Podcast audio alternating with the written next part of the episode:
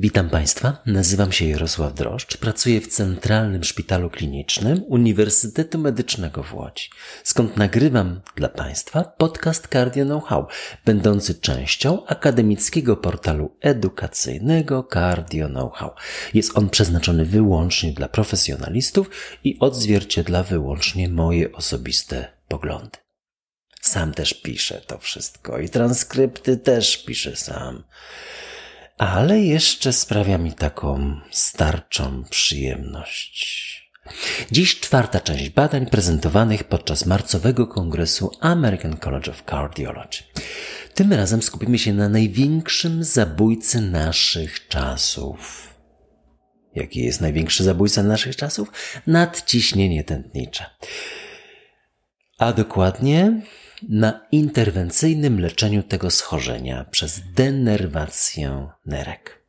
W połowie lutego bieżącego roku w European Heart Journal zostało opublikowane stanowisko ekspertów w kwestii znaczenia denerwacji nerek w terapii nadciśnienia tętniczego. Wśród autorów nasz wybitny ekspert kardiologii interwencyjnej i przewodniczący Europejskiej Asocjacji Interwencji Sercowo-Naczyniowych, profesor Dariusz Dudek. Przed tygodniem ucięliśmy sobie dość długą, fenomenalną pogawędkę. Darek jest fantastycznym rozmówcą.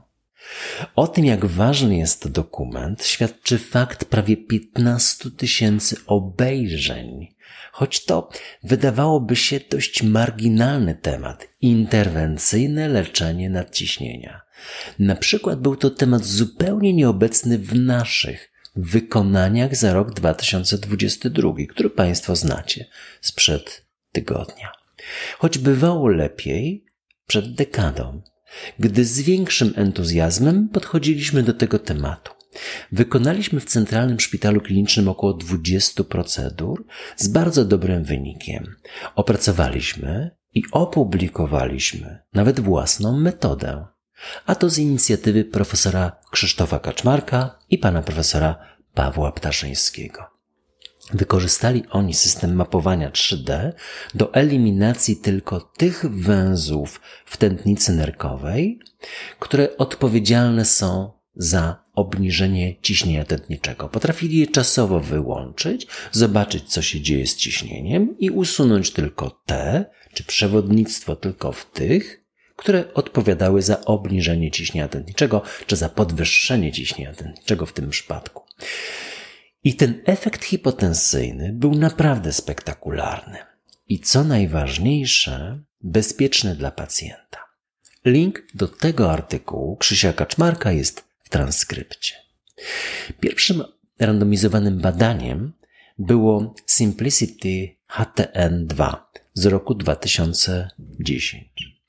Podobnie jak dwa kolejne badania, DENER, HTN i radiosound, charakteryzowały dwa elementy.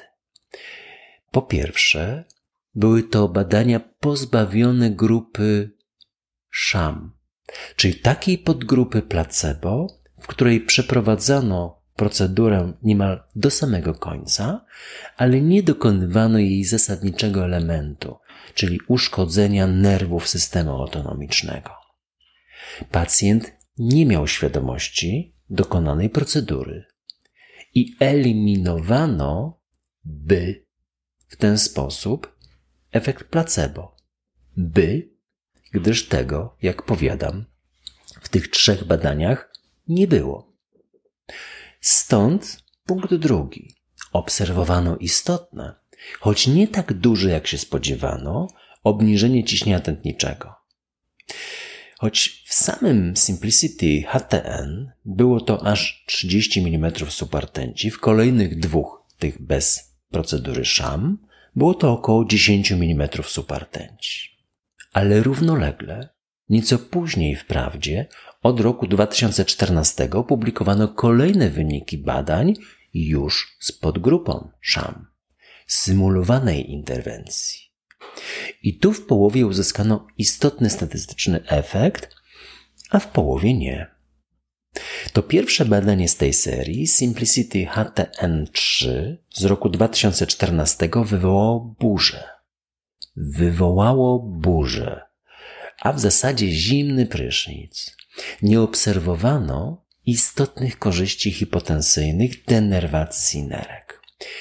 535 pacjentów, 6 miesięcy obserwacji i nieco ponad 2 mm supartenci różnicy ciśnień. Nieistotna statystycznie różnica. W pozostałych badaniach, tych już z istotnością statystyczną obniżenia ciśnienia, sama wielkość tego obniżenia oscylowała wokół 5 mm supartenci. To niewiele. O przyczynach napisano wiele. Garść pomyj trafił na ośrodki przeprowadzające to badanie. A to, że niedoświadczone, a to, że nieskoncentrowane na poprawnej kwalifikacji chorych z prawdziwie opornym nadciśnieniem, a to co innego.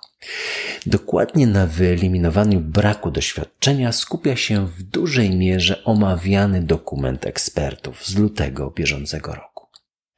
No ja również przychylam się do takiego kontestacyjnego podejścia do wyników Simplicity HTN3, bo myśmy obserwowali obniżenie ciśnienia. I zapytany wówczas, czy nadal przeprowadzamy zabiegi denerwacji w Centralnym Szpitalu Klinicznym, bez wahania odpowiedziałem, że tak. Nową metodą, naszą, rzecz jasna. Ale wówczas stało się coś niezwykłego. Nagle pacjentów z prawdziwie opornym nadciśnieniem zaczęło ubywać. Albo nauczyliśmy się poprawnie leczyć, albo wpływać na chorych z nadciśnieniem tak, aby nasze leki konsekwentnie przyjmowali. No albo i jedno i drugie. No ale zabiegów przez kolejne lata było jak na lekarstwo. A ci już po zabiegach czują się dobrze. Przyjmują mniej leków hipotensyjnych, nie obserwujemy tam ani progresji niewydolności nerek, ani powrotu nadciśnienia opornego. No i zainicjowano cztery kolejne randomizowane badania, a o dwóch z nich opowiem za moment. Sama wymowa tego dokumentu z 15 lutego bieżącego roku była nieco bardziej optymistyczna, nieco, niż ostatnich wytycznych ESC z roku 2018, gdyż te, ten ostatni, zdominował pesymizm co do skuteczności metody denerwacji nerek. A link do pełnej wersji artykułu dokumentu ekspertów jest w transkrypcie. A na kongresie American College of Cardiology zaprezentowano dwa nowe badania. Radiance 2 i Radiance HTN Trio. Analiza danych obserwacji półrocznej oraz analiza łączna trzech badań Radiance. Radiance 2 220 pacjentów i 6 mm subartenci redukcji ciśnienia tętniczego po dwóch miesiącach. Ale sam opis tego badania mrozi mi krew w żyłach. Otóż pacjenci byli nieskutecznie leczeni maksymalnie dwoma lekami hipotensyjnymi na wejściu, mając ciśnienie 140-180, 90-120. No i teraz posłuchajcie Państwo leki odstawiano na jeden miesiąc przed zabiegiem i dwa miesiące po zabiegu. Oczywiście procedura denerwacji versus jej symulacja, czyli procedura SHAM. I dokonywano pomiarów ciśnienia tętniczego 24 godziny przez dobę, tak? Po dwóch miesiącach od zabiegu. Brrr, odważnie. 140 na 180, 90, 120 rozkurczowego, bez leków. Nie włączyłbym się do tego badania, gdybym otrzymał taką propozycję. Radiance HTN Trio to drugie badanie. 129 pacjentów. No i 4 mm supartenci redukcji ciśnienia tętniczego po 6 miesiącach. Tu protokół był już bardziej przyjazny i dopuszczano leczenie nadciśnienia. Redukowano jedynie liczbę leków wówczas, gdy wydawało się to zbędne. I u 20% chorych za zbędny uznano spironolakton, a dodatkowo u 5% beta-adrenolityk. Równolegle w JAMA opublikowano analizę danych trzech projektów badawczych Radiance – Poza powyższymi jeszcze, czyli Radiance 2, 2 i Radiance HTN Trio, także Radiance HTN Solo. Ten ostatni projekt zbliżony był do Radiance 2. Pacjentom leki hipotensyjne odstawiano. Brrr. Łącznie 506 pacjentów i 6 mm supertenci różnicy ciśnień po denerwacji nerek w odniesieniu do grupy SHAM. Niewiele. W towarzyszącym artykułowi edytorialu efekt denerwacji porównywalny jest z jednym lekiem hipotensyjnym z jednej z grup, lecz jest mniejszy, gdyby tym lekiem był spironolakton. No mój komentarz. Po pierwsze, jest coś na rzecz. Denerwacja obniża ciśnienie i pewnie ma szansę być stosowana w praktyce klinicznej. Ale drugi.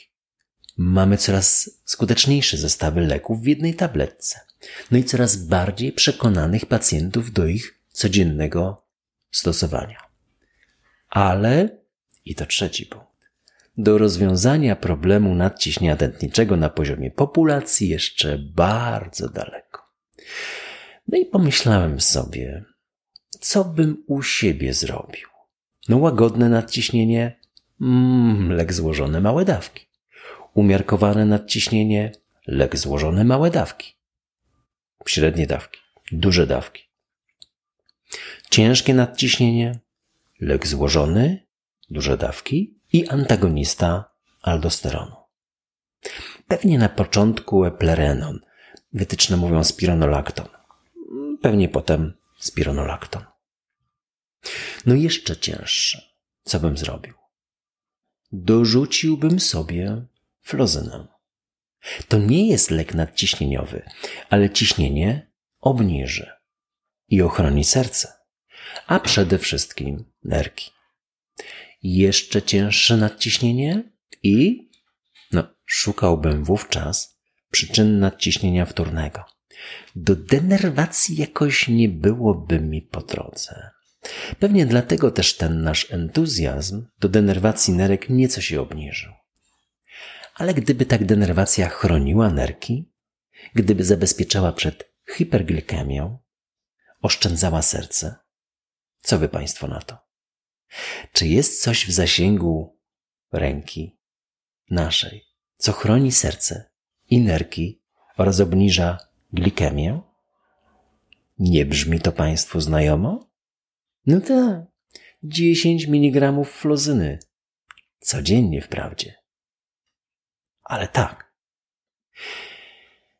To drugi tydzień, bez lektury, ale wszyscy jesteśmy zapracowani. Czytam, a jakże. Ale jeszcze nie skończyłem. Jeśli Państwo będziecie mieli jakieś uwagi, komentarze czy pytania, kierujcie na media społecznościowe Cardio Know-how. Będę też Państwu bardzo wdzięczny za promocję podcastu wśród lekarzy oraz komentarz, choćby jednym słowem i oceną. Slawa Ukraini!